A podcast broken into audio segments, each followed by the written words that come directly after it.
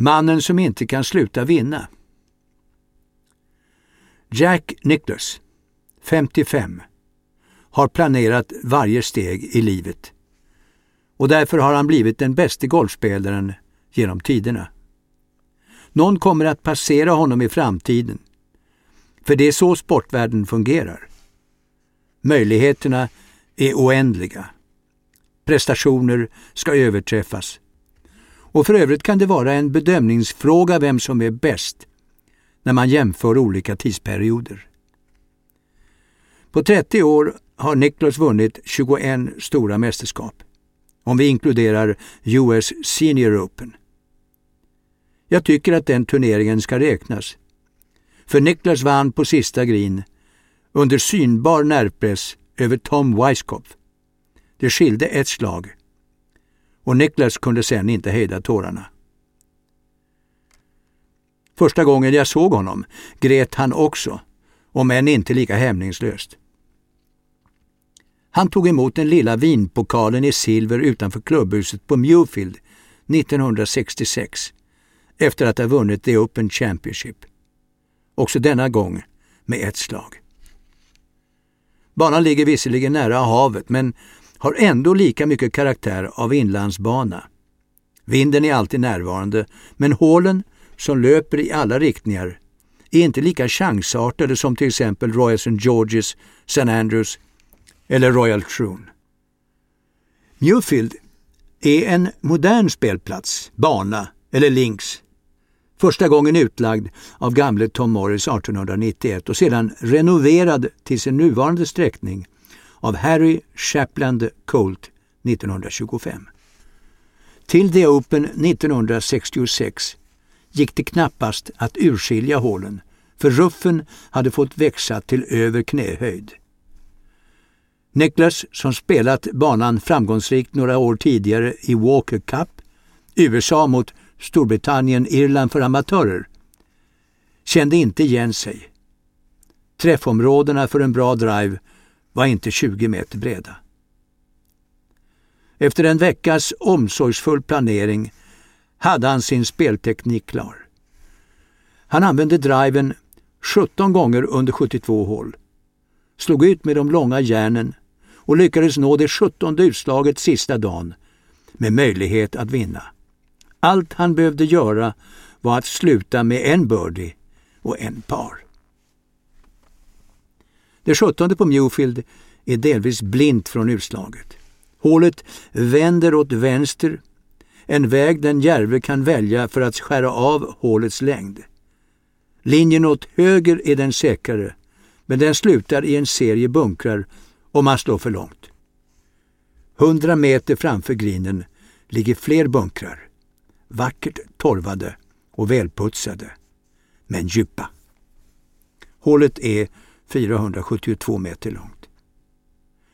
Niklas har valt att spela med den lilla bollen, slår en järntrea, den säkra vägen mot högra bunkarna och lämnar sig 215 meter till mitten av grinen. 211 meter till flaggan. Han har vinden i ryggen och spelar alltså den något mindre bollen som går en klubba längre. I vanliga fall betyder 215 meter en järnetta. Men nu väljer han en järnfemma som studsar förbi bunkarna och rullar in till fyra meter från flaggan. Situationen är renodlad. Jack Nicklaus är den sista ute på banan. I klubbhuset väntar walesaren Dave Thomas och amerikanen Doug Sanders. Solen sänker sig och lyser upp kullarna på andra sidan Firth of Forth. Det går att urskilja golfbanan Ely. Ett stort mästerskap ska avgöras. Vi som väntade runt 17 green hade ingen aning om vilken klubba han valt till andra slaget. Det berättade han efteråt och jag minns hur vi alla tystnade när han berättade hur långt det var till hålet. Den golf vi kände till spelades på känn. Handen och ögat bestämde. Ingen i Europa, inte någon från Australien eller Sydafrika heller för den delen, mätte upp banorna. Dean Beeman, som senare skulle bli ansvarig för The US Tour, hade lärt Nicholas att mäta avstånden när de spelade Walker Cup tillsammans. År 1966 var det emellertid ytterst få i USA som brydde sig om att stega. Ingen vågade ifrågasätta mig när jag stod på toppen som spelare.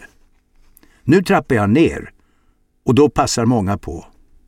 De är avundsjuka. De har inte tålt att jag stannat kvar så länge och att jag tjänat så mycket pengar. Nu, när jag alltmer bara ritar banor, passar de på. Under detta oväntade utbrott slutade jag att lyssna.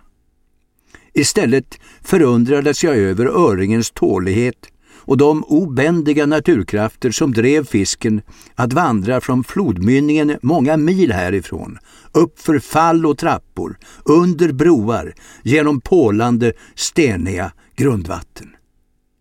Stolthet. Jag är ingen stor anhängare av banor som ritats av Jack Nicklaus, men jag erkänner deras kvalitet. Det kan inte förbigås. Jag ser likadant på en bil gjord av Mercedes-Benz. Själv lever jag i en värld där bilar går sönder. Ingen kan behärska världen. Ingen lever skyddad genom livet. År 1981 gick The Open på Royal St. George's utmed kusten mot Engelska kanalen. Den gamla banan ligger i ett naturskyddsområde med rikt fågelliv men väl inom synhåll från hotbilden av ett kärnkraftverks skorstenar. Nicholas var en av favoriterna. Men dagen före första ronden fick han reda på att hans 18-årige son Steve krockat en bil på Jack Nicholas Freeway i Columbus, Ohio samt tagits om hand för rattfylleri. Efter 83 slag försökte Niklas undvika journalister. Men de fann honom i omklädningsrummet. Jag försökte inför varje slag, men det gick inte. Jag kunde inte bättre idag. Min son somnade vid ratten. Han hade druckit en öl för mycket. Han är väl som alla andra ungar i den åldern. Inga undanflykter. Ian Woolridge Krönikör för Daily Mail sammanfattade de två första ronderna. När Ernest Hemingway förlorade sitt geni och märkte att han inte längre kunde skriva gick han upp en morgon och sköt sig. Jack Nicklaus, efter 83 slag första dagen, gick ut och sköt 66. Bill Rogers vann det året före Bernard Langer. Efter segern misslyckades Rogers i varje turnering. Han är nu klubbdirektör i Texas. De stora tävlingarna är lika svåra att vinna som att leva med. Det tycks inte heller ha någon betydelse hur många du vunnit. När Jack Nicklaus under sista ronden i US Masters 1986 insåg att han kunde vinna kändes det för honom likadant som när han lyckades vinna US Open 1962, hans första stora seger som yrkesspelare. När slutet närmar sig ett mästerskap sker underligt nog saker med en viss lagbundenhet och ändå råder kaos. Plötsligt blir munnen torr och det är svårt att andas. Ibland händer det att du snubblar utan anledning. Ibland avtecknar sig omgivningen med kristallens briljans. Ibland är det omöjligt att urskilja detaljer. Under de här timmarna, när alla inblandade förgäves söker extra syre, bestäms utgången. Stora mästerskap förloras. Och det är nu Jack Nicklaus, apotekarson från Columbus, Ohio, är som bäst. Under de nio sista hålen i US Masters 1986 hämtade han in fem slag på de ledande som mer eller mindre greps av panik. Greg Norman började redan på tionde hålet med att driva in i träden till vänster. Severiano Ballesteros duffade och skruvade en järnfyra ut i vattnet på femtonde. Tom Watson frös till is på grinerna och blev hjälplös. Tom Kite kunde ha tvingat fram ett särspel, men fick se sin putt från tre meter glida över hålkanten, delvis i luften. Jack Nicklaus forcerade de sista hålen utan att någon gång förhasta sig. Han drog ifrån en klubba mot slutet för han visste av erfarenhet att adrenalinet och den allmänna sinnesstämningen skulle göra en järnsjua av en järnåtta. Men spelplanen låg fast. Om än han siktade mer än normalt höger från trettonde utslaget. Han kände sig aldrig riktigt stressad eftersom hans minutiösa förberedelser inte lämnade något åt slumpen. Inga justeringar behövde göras i sista minuten. Det var en minnesvärd seger. Kommentatorer förlorade rösten och även sinnet för proportioner. Men vad gjorde det när publiken för länge sedan ersatt besinning med passion? Det var faktiskt så att alla golfspelare ville att Jack Nicklaus, 46, skulle vinna. Och det var ett mått på hur mycket han betyder för oss. Jack. Nere på klubben. En hemmaklubb är en klubb där man hör hemma. Eller en klubb där man bor. Eller båda. Eller den klubb man var med i först och för länge sedan. Själv är jag medlem i flera klubbar, vilket är underligt, för jag är ingen föreningsmänniska. Men två av klubbarna skulle kunna vara hemmaklubbar. Den ena ligger i Sverige, den andra i England. Länge har jag funderat över vad det betyder att vara med i en klubb och om det finns några speciella kriterier för hur en hemmaklubb ska se ut. Det enda jag kommit fram till är att det inte var bättre förr. I så måtto att när jag växte upp var golfklubbarna små. De hade undantagslöst dålig ekonomi, men medlemmarna kände varandra. Eller åtminstone kände alla igen varandras svingar. När sen klubbarna blev större försvann känslan av samhörighet. Det är alltid lätt att hitta en syndabock. Faktum är att någon på Golfförbundet, jag minns inte vem, rekommenderade tusen medlemmar för en 18-årsbana. Det var naturligtvis lika okunnigt som korkat.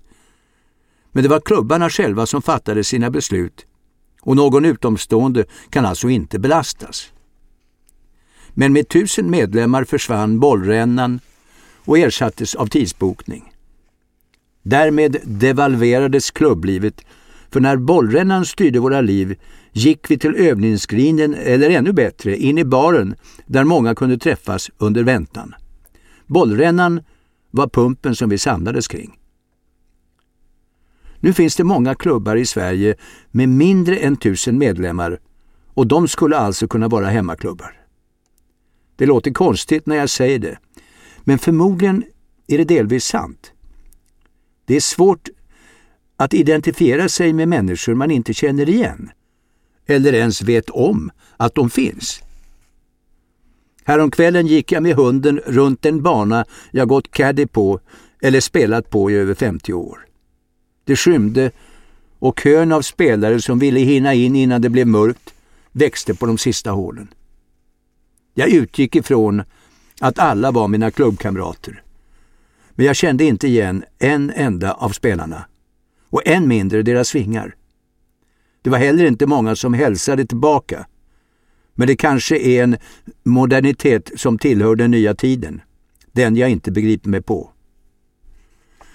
Hade jag gått med hunden för 50 år sedan i skymningen hade golfbanan varit tom, förutom på rådjur, räv eller till och med någon enstaka älg. Det har alltså skett en viss utveckling på älgens och klubbkänslans bekostnad. Jag noterar också att jag har lätt för att söka mig från ämnet, för jag är egentligen inte så förtjust i det.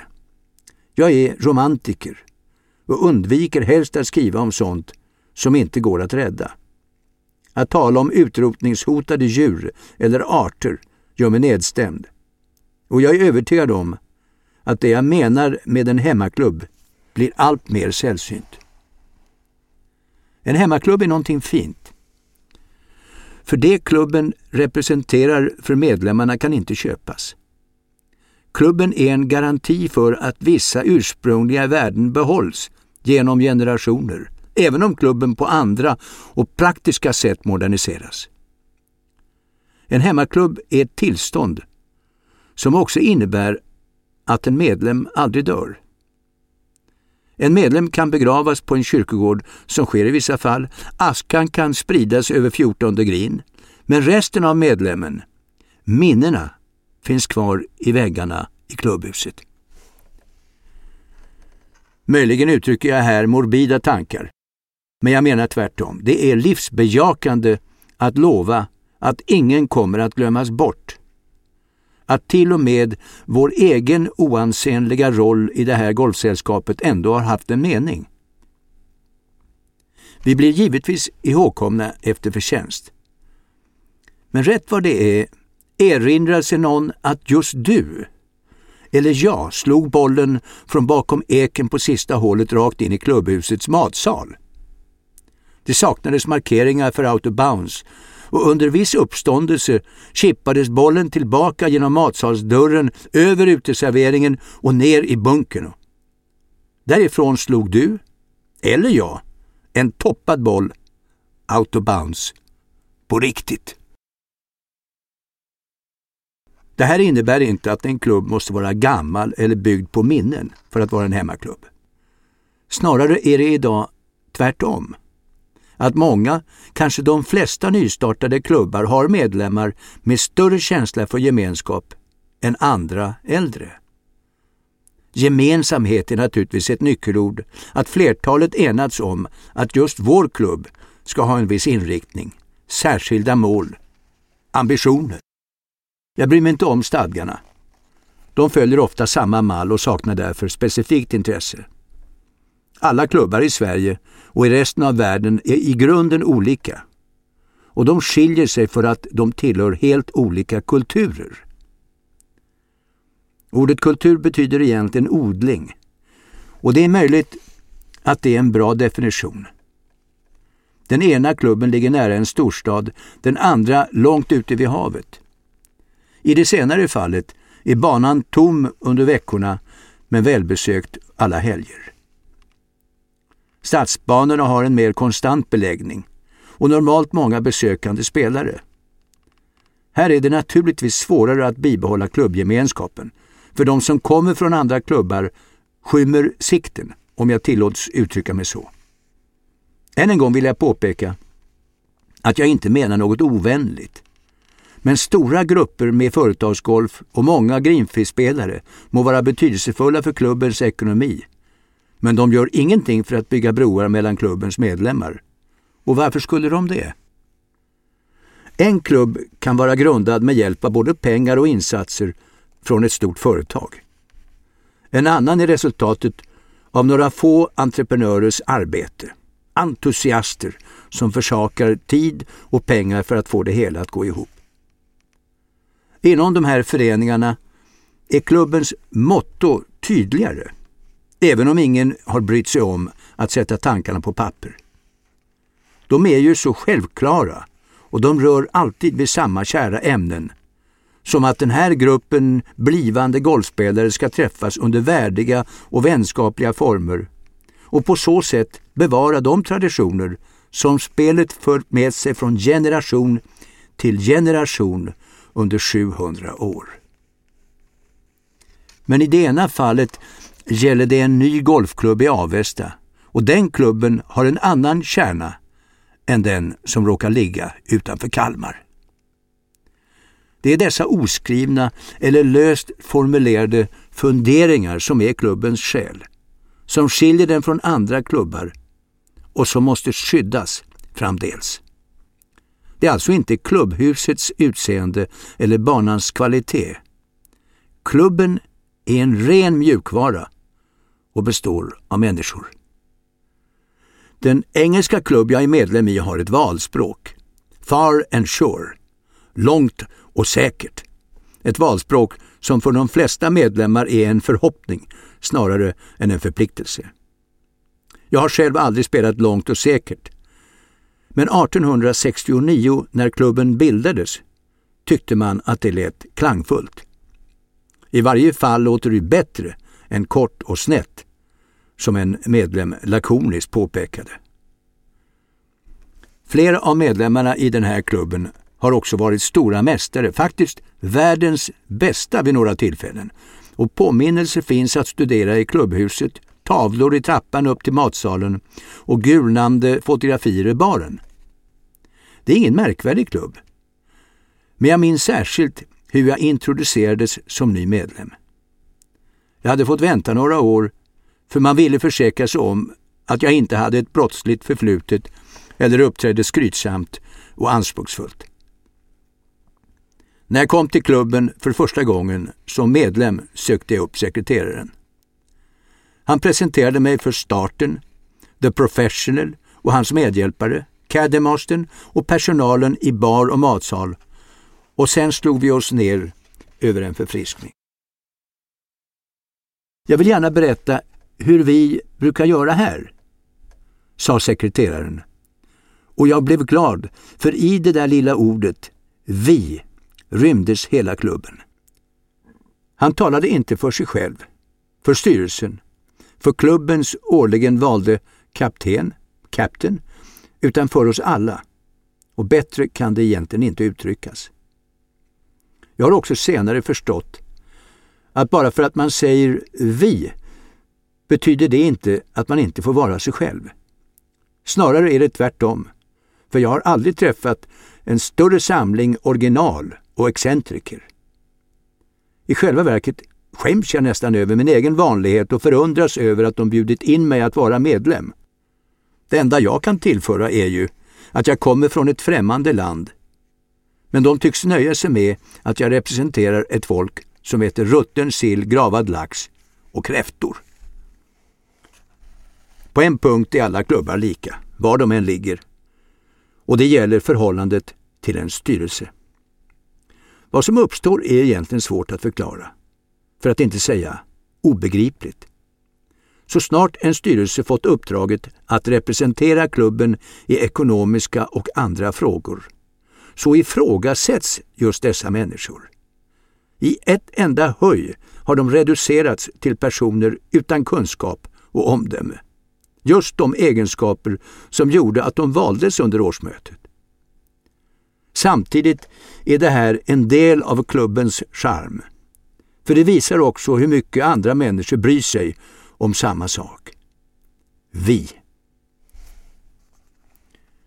Gemensamt för samtliga klubbar i hela världen är också att det egentligen bara är en liten grupp som engagerar sig på allvar i klubbens angelägenheter.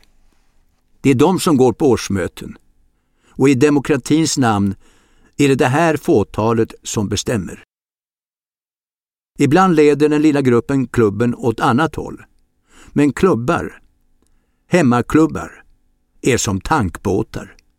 Att få fartyget att ändra kurs är komplicerat och under tiden brukar allt för besvärliga spörsmål kunna lösas. Men det är givet att vad jag skrev inledningsvis gäller.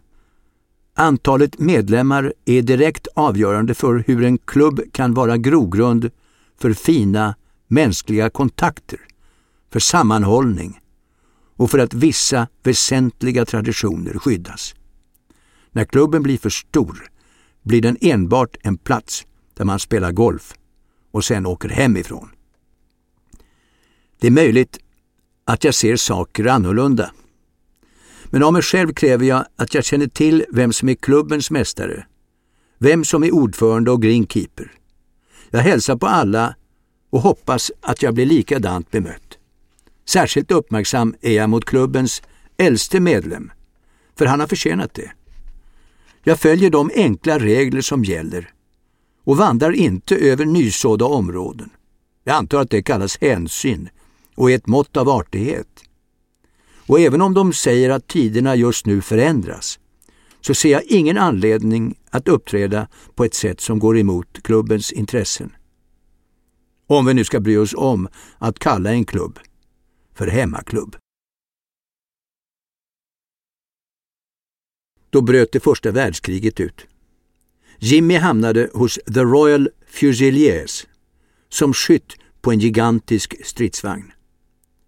Han klarade sig oskadd och lämnade kriget som sergeant och med den äran. Väl hemkommen erbjöds han platsen som första assistent vid Leaks Golf Club, några mil söder om Hoylake. Här träffade han Joan, dottern till klubbens ordförande, en framgångsrik affärsman inom textilbranschen. Denne såg med oblida ögon på deras förhållande. Socialt och ekonomiskt var Jimmy ett stolpskott. Joan skickades därför omgående till USA för ett år. Men kärleken växte med avståndet. Vid återkomsten rymde Joan och Jimmy till Sverige och Djursholm. De bodde de första 15 åren i den del av klubbhuset som idag i köket. Och de blev klubben trogna resten av livet. Men innerst inne längtade Jimmy Dodd alltid tillbaks till Hoylake. För 25 år sedan for jag till Basken, till Saint-Jean-de-Luz, där Arnold Massey vuxit upp. Jag spelade banorna runt kusten, Biarritz, Chantaco, Chiberta, Osgore, Arkang och andra. Vart jag än kom frågade jag om Massey, om hans dotter och om golfen vid sekelskiftet. Intresset för golfens utveckling i Frankrike var dock svalt. Jag ringde goda vänner inom förbund och tidningar i Paris. De var vänliga men saknade svar. Sedan dess har jag återkommit till den här vackra kusten, lärt mig om de baskiska bollspelen och hört historier om traktens stora män. Maurice Ravel och Erik Satie. De var båda tonsättare. Ravel mest känd för Bolero. En av dem var road av skjortor och ägde över tusen stycken. Jag vandrade i Pyrenéerna för att följa Petoc, den vilda baskiska hästen. Och jag läste om baskernas historia så långt den låter sig berättas. Men Hojlek Margot Massey och hennes far, Arnold, förblev jäckande. Vad jag anade var att ingen i trakten förstått att uppskatta vad Massey presterat när han vann på Hojlek. Att han visat prov på enastående mod, härdighet samt atletisk förmåga. Engelsmännen hade introducerat rugby och golf i Frankrike ungefär samtidigt. Fransmännen lärde sig att älska rugby. Rugby är ett manligt spel, att söka bollen bland sparkande ben och i lera. Rugby passade kanske särskilt baskerna. Det kan inte vara en tillfällighet att Orthez, en stad mellan Po och Biarritz, fortfarande har ett av Frankrikes starkaste lag. Golf å andra sidan uppfattades som eh, parfymerat och främmande och lockade inte fransmännen. Spelarna på den tiden bar ju inte ens sina egna klubbor utan använde caddies. Kanske var det så att Massy vann sin seger 50 år för tidigt. Vad skulle hända idag om Jean van de Velde eller Thomas Levé vann British Open? För ett år sedan fick jag kontakt med Simone Lacoste, hustru till den nyligen avlidne René Lacoste, den store tennisspelaren som introducerat krokodilen som varumärke. Familjen Lacoste har djupa kontakter med golfspelet. Simon vann engelska amatörmästerskapen 1927, då under sitt flicknamn de la Chaume. Och Catherine Lacoste, dottern, är Frankrikes bästa kvinnliga spelare någonsin. Som amatör vann Catherine US Open 1967.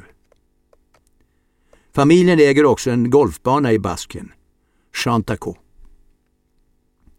Simon kände både Arnold Massey och dottern Hoylake, men visste inte vad som hänt med någon av dem sedan krigsslutet 1945. Emellertid gav hon mig rådet att söka svaren i Skottland, i North Berwick, för det var här Arnold Massey träffade sin blivande hustru, Miss Genty Henderson.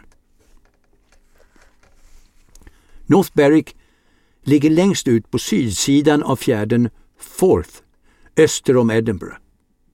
Här spelades golf för flera hundra år sedan. Några av hålen på The West Links, särskilt korthålet The Redan, ingår i samlingen över de bästa i världen. Inte långt från första utslaget på West Links av North Berwick ligger en liten golfshop som idag innehas av David Hush. David spelar framgångsrikt seniortouren och är road av golfens historia. Men han skickar mig vidare till Hope Letters, historiker på North Berwick Golf Club. Hope är son till John Letters, den kände klubbtillverkaren. Hope har fyra bröder som samtliga någon gång under sina liv varit inblandade i tillverkning och försäljning av golfklubbor. Idag är Hope samlare av golfantikviteter och dessutom är han uppfinnare. När jag träffar honom visar han mig en utmärkt matta som han kan använda för spel under vintern. Genom Hope får jag kontakt med Marjorie Wilson, dotterdotter till Ben Sayers. Marjorie var dessutom ungdomskamrat och bästa vän med Hoylik Massey. Idag är Marjorie 87 år gammal, full av livslust. Och den typen av bridgespelare som inte bara kommer ihåg vem som måste ha damen, utan som också sakar klöver 9 för att ha en ingång till bordet. Jag träffar Marjorie Wilson på Marine Hotel, North Berwick. Hon har ätit lunch och spelat bridge. Nu kan hon hjälpa mig att sätta samman händelserna.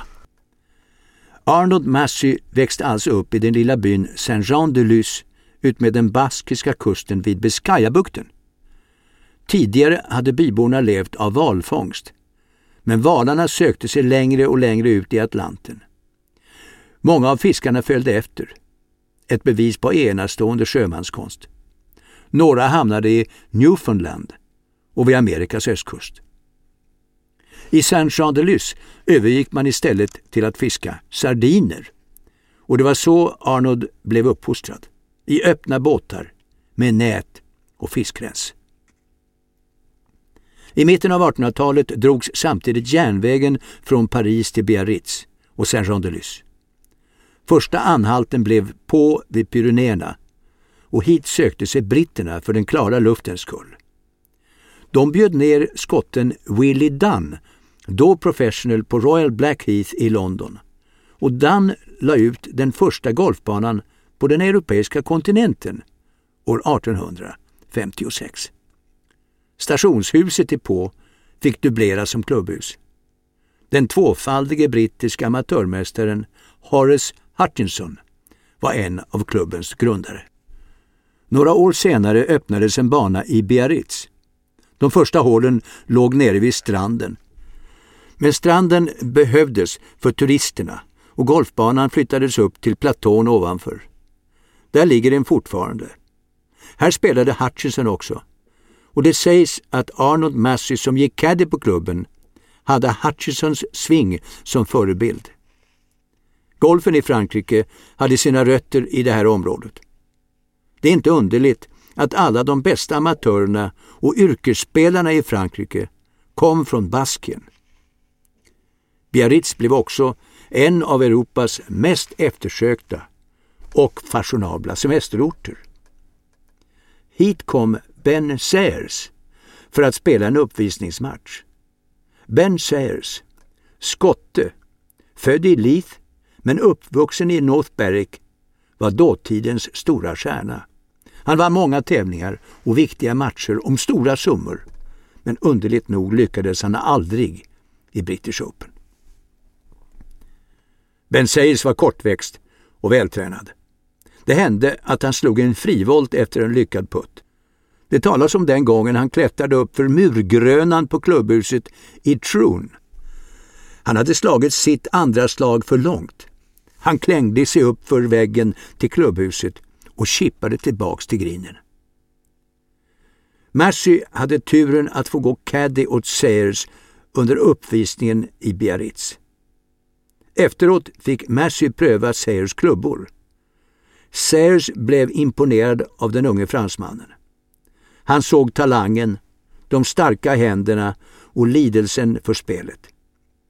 Därför bjöd Sayers honom till North Berwick för att utveckla sitt spel och studera engelska. Massey erbjöds också att hjälpa till på John Letters växande företag. Rälsen var för övrigt länge en del av spelet. Härifrån behövde James Braid tre slag för att hitta tillbaks till grinen men kunde ändå vinna The Open Championship. Så sent som 1910, i amatörmästerskapen, fick man spela härifrån. Om nu läget tillät det mellan syllarna. Under de stora mästerskapen brukade tåget stanna vid 16 green när någon hade en viktig putt. Med det stora ångloket stilla frustande på andra sidan muren böjde sig spelaren över bollen i fullständig koncentration. Den här dagen ligger banan tom och tåget fortsätter förbi de svarta skjulen där Old Course Hotel står idag och resan slutar hundra meter in i stan. Där väntar en man med Rusak Hotel skrivet i mössan. Han tar mina klubbor samt väskan utan prut. Jag har anlänt. Jag lärde aldrig känna Tom Morris senior. Han vann British Open fyra gånger mellan 1861 och 1867. Han la ut ett stort antal golfbanor såsom Macrae Hanish, delar av Prestwick och Royal County Down i Nordirland. Han var en av de bästa klubb och bollmakarna i St. Andrews, med andra ord i världen, och han blev tidigt ansvarig för golfbanornas skötsel. Långt innan någon hunnit fundera över möjligheterna introducerade han en bevattningsanläggning på den gamla banan. Stora behållare av järn grävdes ner i marken som reserv under torka. Hans skötselmetoder är vägledande än idag. Och eftersom han var ålderman i kyrkan bestämde han att den gamla banan skulle vila på söndagarna. Ingenting i spelet undgick hans uppmärksamhet. Och vi har all anledning att skänka honom en tanke och ett tack. Han var helt enkelt en kombination av Jack Nicklaus, David Ledbetter, Robert Trent Jones, Eli Calloway och påven. Visserligen tillhörde han den anglikanska kyrkan, men liknelsen duger. Jag nämner Tom Morris särskilt, för ingen i golfhistorien har betytt mera. I St. Andrews får historien fötter. Vad som gällde igår korrigeras idag eller imorgon. De som bor här älskar sin stad och vill förvalta arvet att vara golfens vagga och mecka. Därför känner alla till golfens bakgrund. Eftersom denna är dåligt dokumenterad byggs historien på antaganden, i bästa fall. En sak är säker. Ingen kan säga att golfen började spelas just här. Det kan lika väl ha skett i Edinburgh, Musselburgh eller grannorten Leven. Ingen vet heller när detta kan ha hänt, men det står skrivet att den gamla banan i St. Andrews härstammar från 1400-talet. Under de första hundratalen år var banan ett flytande begrepp. Spelarna valde ut en plats som de tyckte dög för ett hål och spelade dit. Sen placerades bollen inom en klubblängd från hålet och ett nytt mål söktes upp. Marken blev sliten i närheten av hålet och därför hittade man andra. De spelade sig ut från stan, ibland motsols, ibland medsols och tog för sig av marken som bestod av kaninhål, törnbuskage och sandklitter. Ibland hittade de sänkor med gräs. Ur denna röra växte med tiden en golfbana fram. Till att börja med användes samma hål till att spela ut mot floden Edens mynning som till att spela sig tillbaka. Då uppstod kollisioner. Och de som spelade sig tillbaka hade företräde. Som idag. Men man insåg fördelen med att ha två hål. Hålen placerades allt längre från varandra och så uppstod dessa dubbelgriner. Men utvecklingen har också med teknologin att göra. Gräsklipparen, inte minst. Till att börja med lär 22 hål ha spelats. Några korthål togs bort och så blev det 18. Det var en sinkadus. Det sägs att det skedde 1764.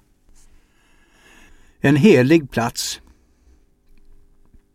Den stora njutningen är att inte ha något att göra. En drönare från sekelskiftet skrev om sitt innehållslösa liv och framhöll då att det inte var så lätt att sakna egentliga sysslor. Men vi anpassar oss, skrev han. Vi lär oss att göra ingenting bra. Och i den andan hade han grundat The International Correspondence of Corkscrew Addicts, ett namn han hittat på i badet. Vidare framgick det att man måste välja platser med omsorg där man inte gjorde någonting. För mig är St. Andrews en sån stad.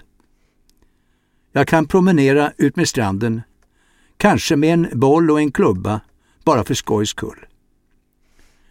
De säger att det ska vara bra för svingen att slå bollar från det släta finkorniga underlaget. Men en drönare har ingen djupare avsikt. Han slår bollen för att han råkar ha klubban i handen. Det är dessutom förbjudet att slå bollar från stranden. Stadskärnan är ibland upptagen och trafikerad som vore det marknadsdag. Och då är en vandring uppför eller nerför South Street spännande. Här håller McGarth till. Han tillhandahåller herrkläder och anser sig ha öga för storlekar. Häromdagen hade han sett Sir Michael Bonalak i helfigur på TV. Sir Michael hade delat ut pris. McGarth visste att Bonalak skulle komma in i butiken senare för att beställa en frack. Varsågod, här hänger den. 48 lång, 40 i midjan och 33 i benen, sa McGarth till den förvånade Bonalac. Av McGarth har några vänner till mig beställt golfbyxor. Döm om min förvåning när McGarth föreslår och skickar prover på tweedtyger som inte finns. Projektet når oanade höjder och när byxan slutligen levereras kände vi alla en saknad. Vi hade vant oss vid att inte få byxorna. Närmare kejsaren och hans nya kläder går det knappast att komma. Roligaste tidsfördrivet är att stå vid artonde grinen vid elva tiden då de första fyrbollarna dyker upp efter att först ha fotograferat sig själva över Swilken Bridge. De ska sen slå sina andra slag, normalt inte längre än 100 meter. Grinen de siktar på är lika stor som Svealand. Människans förmåga att göra en enkel sak till något omöjligt är fascinerande.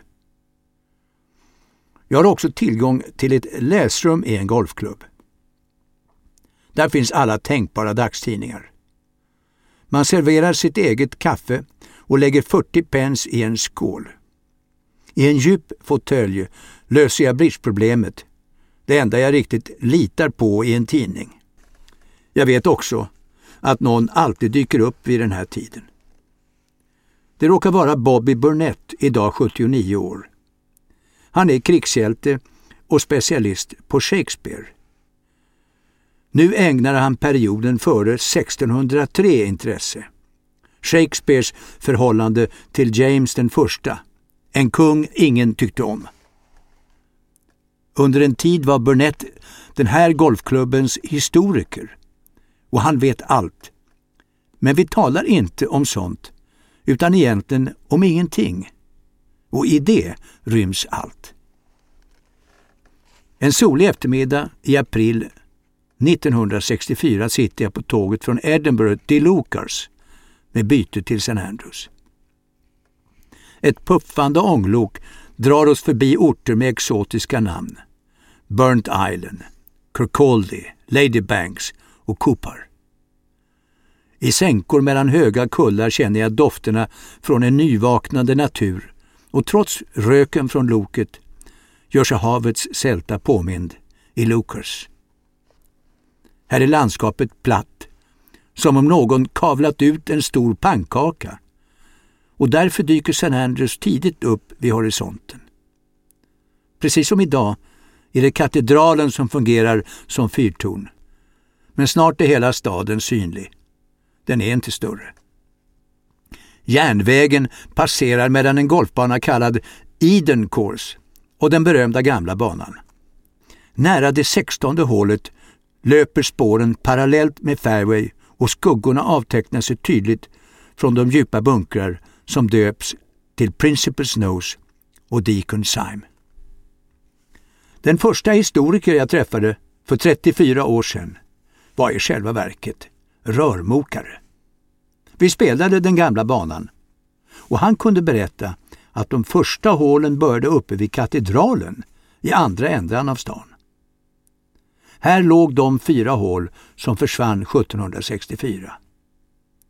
Ett av dessa var ett underbart korthål från krigsmonumentet ner till en naturlig grin till höger om Caddymasterns shop. Ung och synnerligen lättpåverkad spred jag denna teori vidare och det är så historien får fötter. År 1866 ritades de första kartorna över banan och bunkarna fick namn.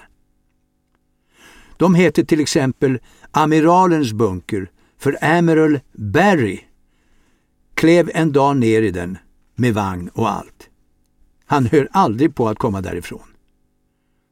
Eller Sutherlands bunker för Sutherland tillbringade mer tid i sin bunker på det femtonde hålet än hemma. En dag fyllde bankommittén igen Sutherlands bunker. Men på natten var någon framme och grävde upp den. Så vitt jag vet ligger den kvar än idag.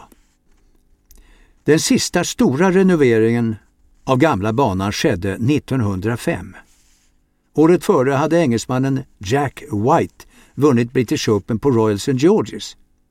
Han gick sista ronden på under 70 slag.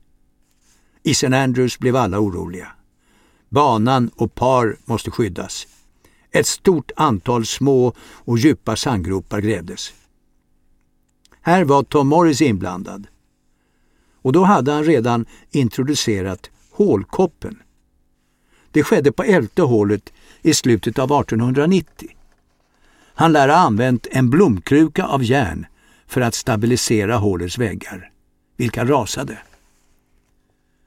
Däremot var det en engelsman som drev igenom idén att alla hål i hela världen skulle vara lika stora.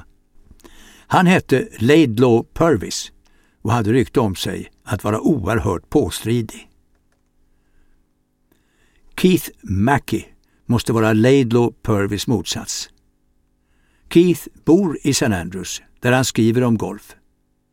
Hans kalufs har vitnat under de här 34 åren, annars är han sig lik.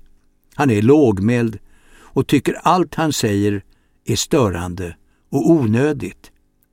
Därför mumlar han och låter som hjälpbatterierna på en ubåt. Keith är en av mina äldsta vänner. Vi sitter i The New Club där han är medlem. Den ligger ut med Links Road med utsikt över sista fairway. I fönstret i baren har de hängt upp ett förstoringsglas för att man bättre ska kunna följa spelet.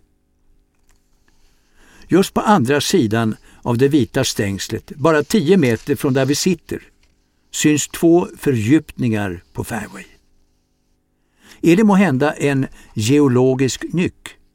En gammal grav eller rent av igengrävda bunkrar? I så fall vilka och varför ligger de här?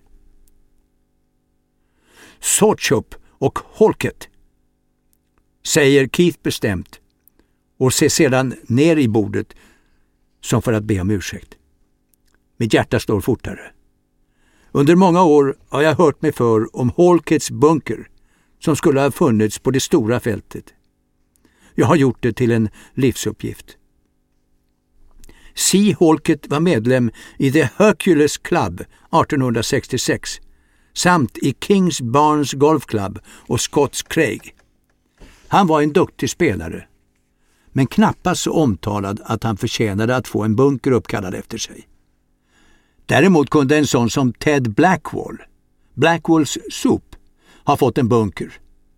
För han drev upp till trappan bakom sista grinen med en hickoryskaftad spon och Gutta Perka-boll 1897. Att träffa en boll av Gutta Perka, ett slags naturgummi, är som att slå på en stenad potatis. Det skulle visa sig att banan mycket riktigt spelats bakvänt med första utslaget där sista grinen ligger idag. Första hålet gick ut med vägen till vänster mot nuvarande 17 green.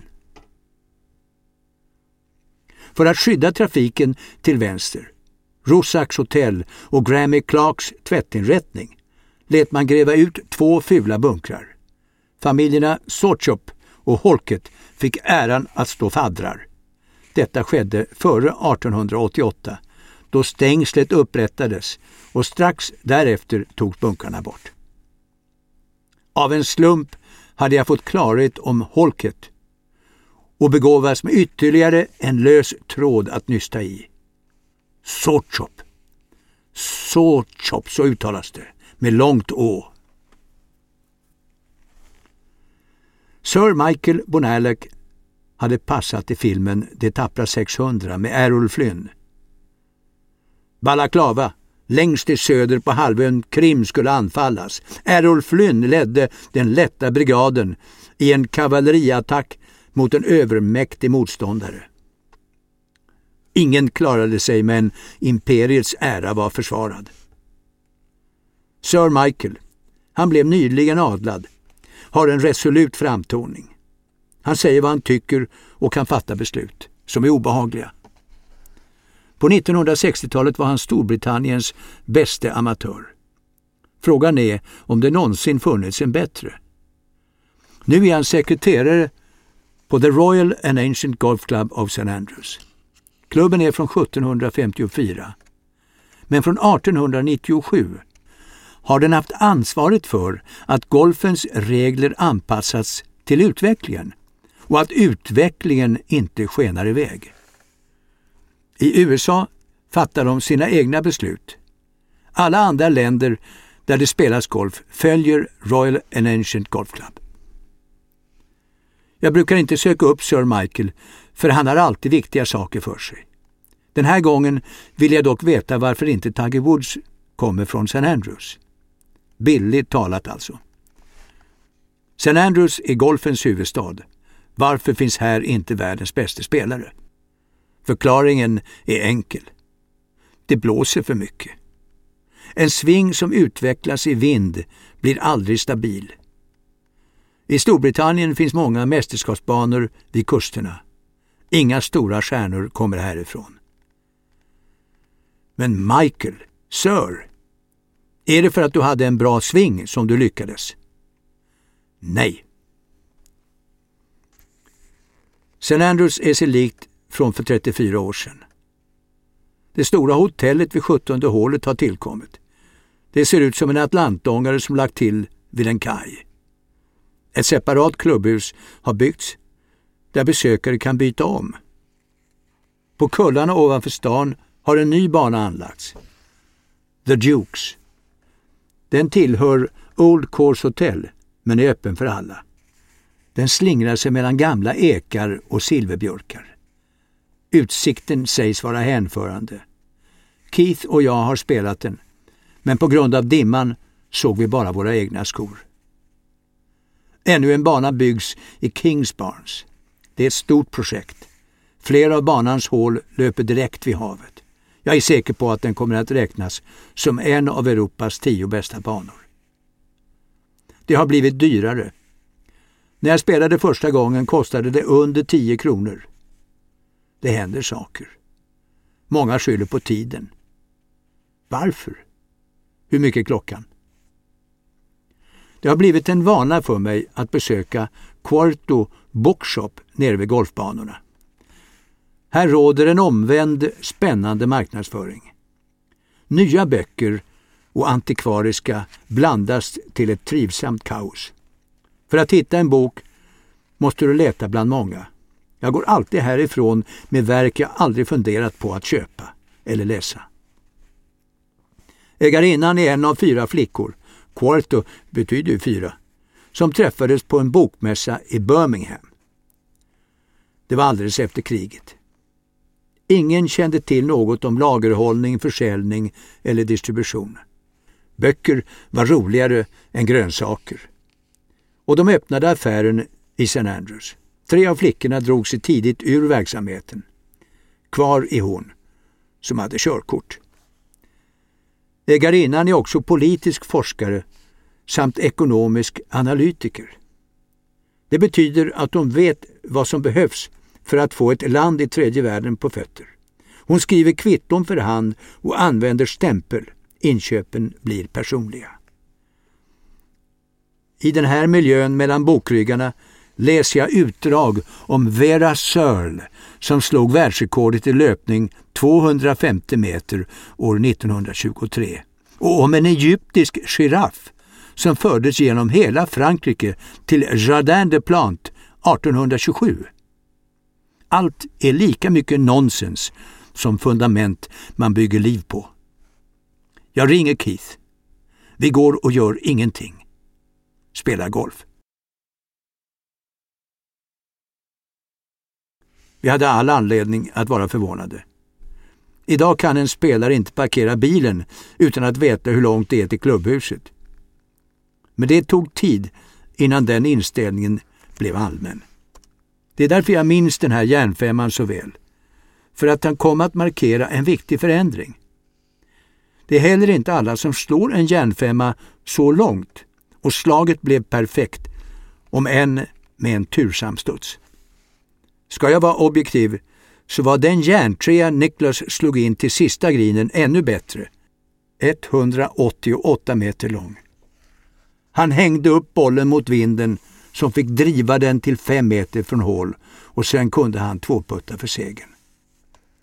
Det hade varit en ansträngande eftermiddag och därför grät han när han skulle hålla tacktalet, vilket onekligen förvånade eftersom ingen hade trott att Jack Nicklaus hade några djupare känslor, än mindre att han inte kunde behärska dem. Mina intryck av, mina intryck av Niklas den här veckan i juli har bestått. Det hände att jag ställde en fråga i presstältet, lika mycket för att få ett svar som för att pröva mig själv. De flesta journalister blir generade, för det är många som lyssnar och därför sitter de tysta och låter andra driva olika resonemang. Helst skulle jag också vilja vara tyst, men jag tycker samtidigt att det är anständigt att hjälpa till. Niklas. Jag kallar honom vid efternamn, för närmare kontakt har vi inte haft genom åren. Söker upp mig med ögonen, blå och spörjande, som om han tog mig på allvar. Han låter frågan sjunka in, även om den kan förefalla en smula ytlig. Det kan vara något han lärt sig, att alltid vänta med svaret. Men det kan också vara en bekräftelse på hans personlighet. Han gör aldrig något överilat och tar inte heller några risker. När han besvarar frågan sker det precis och ekonomiskt, om än i stötvisa satser. Orden hinner ibland inte med hjärnan och det händer att han snubblar över dem. Han är också utlämnande ärlig när han talar om sitt spel. Har han duffat en chip, något ingen av hans kaliber skulle vilja erkänna, så säger han det. Och han skyller aldrig ifrån sig. Något vi heller aldrig får glömma är att han under 30 år träffat för många inom sitt yrke. Snart finns inga svar, för frågorna är likadana varje dag vecka, månad och år. Det blir frustrerande i längden och hjärnan slutar att vara aktiv. Samtidigt blir han oemotsagd för det mesta. Han är säkert medveten om att detta är en svaghet, för ingenting passerar honom obemärkt. Men det är inte säkert att han kan göra någonting åt det. Ingen har hans erfarenhet av spelet. Få vet mer om golfbanor än han. Och även hans uppdragsgivare böjer sig för hans synpunkter, trots att de betalar honom en miljon dollar. Eller kanske just därför. När ingen säger emot en kan man få för sig att det man säger är rätt. När så kritik plötsligt dyker upp kan den vara svår att hantera. Det är mänskligt. I de miljoner dollar som Jack Nicklaus får enbart för sitt namn när han ritar en bana, alla andra kostnader tillhör en separat redovisning, ingår att han inviger banan. Mount Juliet på Irland öppnades 1991, officiellt, av att Niklas spelade mot Christy O'Connor senior. Under eftermiddagen gavs en presskonferens, informell. Vi satt alla runt ett bord. På väggen bakom Niklas hängde en bild av en öring som nyligen fiskats i ån nedanför herrgården. Jag kunde inte begripa hur en så stor fisk, 8,2 kilo, fått plats i det grunda vattnet. Tidigare det året hade banarkitekten Jack Nicklaus diskuterats i artiklar. Han ansågs vara för sträng och ritade så svåra banor att bara Jack Nicklaus kunde spela dem, ansåg några. Andra påpekade att banorna var straffande, att ett litet brott fick alltför allvarliga påföljder. Jack Nicklaus var märkbart störd av kritiken. Hoylake Massey År 1907 vanns British Open av en fransman, Arnold Massey. Det var första gången någon utanför Storbritannien vunnit mästerskapet. Och det skedde på Royal Liverpools bana i Hoylake, en förstad söder om floden Mersey. Liverpool ligger på Englands västkust och från Hoylex ser man floden Dee och dess mynning samt de mäktiga blånande kullarna i Wales. När Arnold Massey lämnade sista grinen med mästerskapet säkrat fick han reda på att hans hustru fött honom en dotter. Utan tvekan beslöt han att kalla henne för Hojlek. Långt senare läste jag om händelsen och började leta efter Hojlek Massey. En kvinna med ett sådant namn måste ha en historia att berätta. Och dessutom blev jag fascinerad av hennes pappa, Arnold. Visserligen hade han skrivit en bok om golf, men den handlade om tekniken, inte om honom. Ingen tycktes veta vart han tagit vägen eller hur livet valt att hantera honom. Det var synnerligen märkligt, för han hade trots allt vunnit det stora mästerskapet.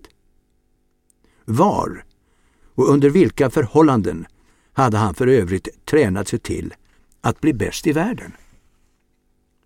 Och för att den här berättelsen ska återges ärligt måste jag tillstå att jag tidigt hade ett förhållande till Hoylake, platsen.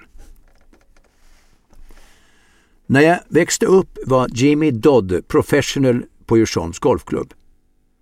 Man kan säga att Jimmy och klubben var ett och samma. Under kriget klippte han fairways och måndagarna putsade han medlemmarnas skor. Han bestämde över oss som gick caddy över helgerna och gav lektioner vid dungen till höger om det gamla första utslaget. Ingenting på klubben undgick Jimmy. Och ve den medlem som vågade lämna etikettens ramar. Han var noga med hur vi uppförde oss, alla medlemmar. Och han brydde sig inte om att det var ordföranden som glömt lägga tillbaks torven. Jimmy sa ifrån. Spelet var viktigare än någonting annat. Och när han inte lagade klubbor, målade om bollar eller satte ut flaggorna så berättade han om Hoylake. Han talade helst engelska, men lärde sig det svenska språkets melodi. Resultatet blev överraskande för ett otränat öra. Men ingen kunde tvivla på att golfbanan i Hoylake måste vara den vackraste på jorden. Jimmy föddes i Hoylake, där hans pappa var stins på tåglinjen in till Liverpool. Jimmy hade sett när Arnold Massey vann mästerskapet 1907. Och fem år tidigare, 16 år gammal, hade han gått caddy åt Charles Hutchings när denne vann brittiska amatörmästerskapen.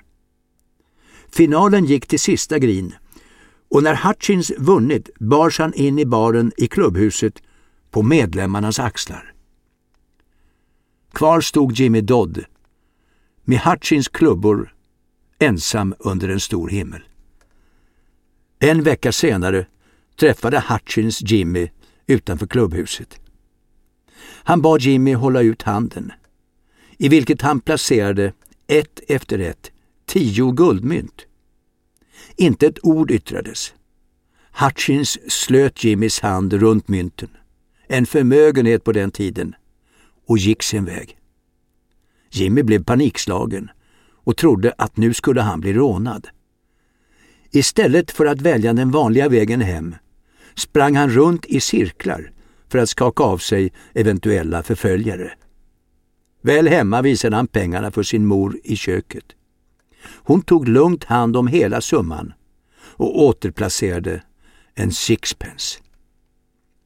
Jimmys tilltro till mänskligheten fick sig en ordentlig törn och varje gång han därefter berättade om händelsen lyste hans förbittring igenom. Men han talade också om de tre Håna, Hoylake naturligtvis, där Hutchins vid 53 års ålder vunnit med en Haskellboll, den nyligen introducerade lindade gummibollen. Ingen hade tidigare vunnit amatörmästerskapet med en sådan boll. Jimmy började således sina lärlingsår som caddy och lyckades få arbete som tredje assistent på Royal Liverpool. Under de följande åren reste Massey flera gånger till North Berwick och hans golf förbättrades stadigt. Han spelade uppvisningsmatcher med Ben Sayers och, viktigast av allt, han träffade Genty Henderson. Genty arbetade på kontoret på John Letters, idag David Hush Shop vid North Berwick Westlinks. Arnold och Gente gifte sig. De fick tre döttrar. Den första, Margot Hoylake, en underbart gladlynt flicka som vann allas hjärtan. Hoylake hade tid för alla. Det gick bra för henne i skolan och hon spelade golf, inte för att vinna, utan för att spelet, liksom livet, hade så mycket att erbjuda. Det är inte underligt att Arnold och Hoylake kom så väl överens. Arnold reste mycket och för att säkra en inkomst tog han platsen som professional i Baskien, där familjen tillbringade semestrarna. I North Berwick blev Hoylek uppvaktad av George Edgar, rörmokare från Preston Pans med egen firma. Han var stilig och envis. De gifte sig och fick en son, Arnold. Tyvärr blev äktenskapet misslyckat. Det är lätt att hitta en skyldig, för Hoylek var så älsklig och lojal. Men det vore oklokt att döma. George tyckte om att träffa sina vänner, att roa sig. De flyttade isär. Andra världskriget bröt ut 1939 och Arnold Massey, som ju var gift med fienden, internerades i ett fångläger i Rouen. Det var hårda tider. Hans fru Genti hade gått bort vid krigsutbrottet och Arnold förlorade allt han ägde utom en förgylld putter som han bytte mot mat när han med stor möda tog sig tillbaks till North Berwick. Efter kriget var det svårt för en golf professional att hitta arbete. Men lyckligt nog erbjöds han en tjänst hos sultanen av Marocko. Arnold Massey skulle lära sultanen och sonen, nuvarande kung Hassan II, att spela golf. Han skulle också hjälpa till med banan i Marrakesh. Så hände det fruktansvärda. År 1950 tog Margot Hoylek Edgar sitt liv i en park utanför Edinburgh. Det skedde under påskhelgen. Tidigare samma dag hade hon besökt den katolska kyrkan. Därefter tog hon en överdos av sömnpiller. Hon var bara 43 år gammal, utfattig och djupt deprimerad. Det råkade vara hennes före detta make som hittade henne i parken, men för sent. När Arnold Massey mottog det sorgliga budskapet i Marrakesh blev han otröstlig. Den forne mästaren gick bort strax därpå av brustet hjärta. Under tiden hade Arnold Edgar, Hoylakes son, utbildat sig till professional själv. Han emigrerade till Sydafrika tillsammans med en god vän från North Berwick, Maynard Goldsmith. Den senare är både välkänd och uppskattad inom golfkretsar i Sydafrika. Men trots ihärdiga efterforskningar finns inte ett spår av Arnold. Därmed avslutas historien om en vacker kvinna med ett ovanligt namn och en pappa som skrev golfhistoria. Innan någon annan lyckas skriva fram ytterligare upplysningar får den här berättelsen vara sann. Epilog Efter tv-sändningarna 1997 från Alfred Dunhill Cup på St. Andrews vandrar jag över den gamla banan mot klubbhuset. Ljusen blinkar inbjudande bakom det stora fönstret och jag beslutar mig för att inta en förfriskning. Inne i klubbrummet sitter små grupper av medlemmar och småpratar. Ingen höjer rösten här inne. Istället blandas ett mummel med röken från cigarrer. Jag slår mig ner i en fåtölj under porträttet av drottningen. Bredvid sitter två yngre män och vi börjar prata. Det visar sig att en av dessa kommer från North Berwick.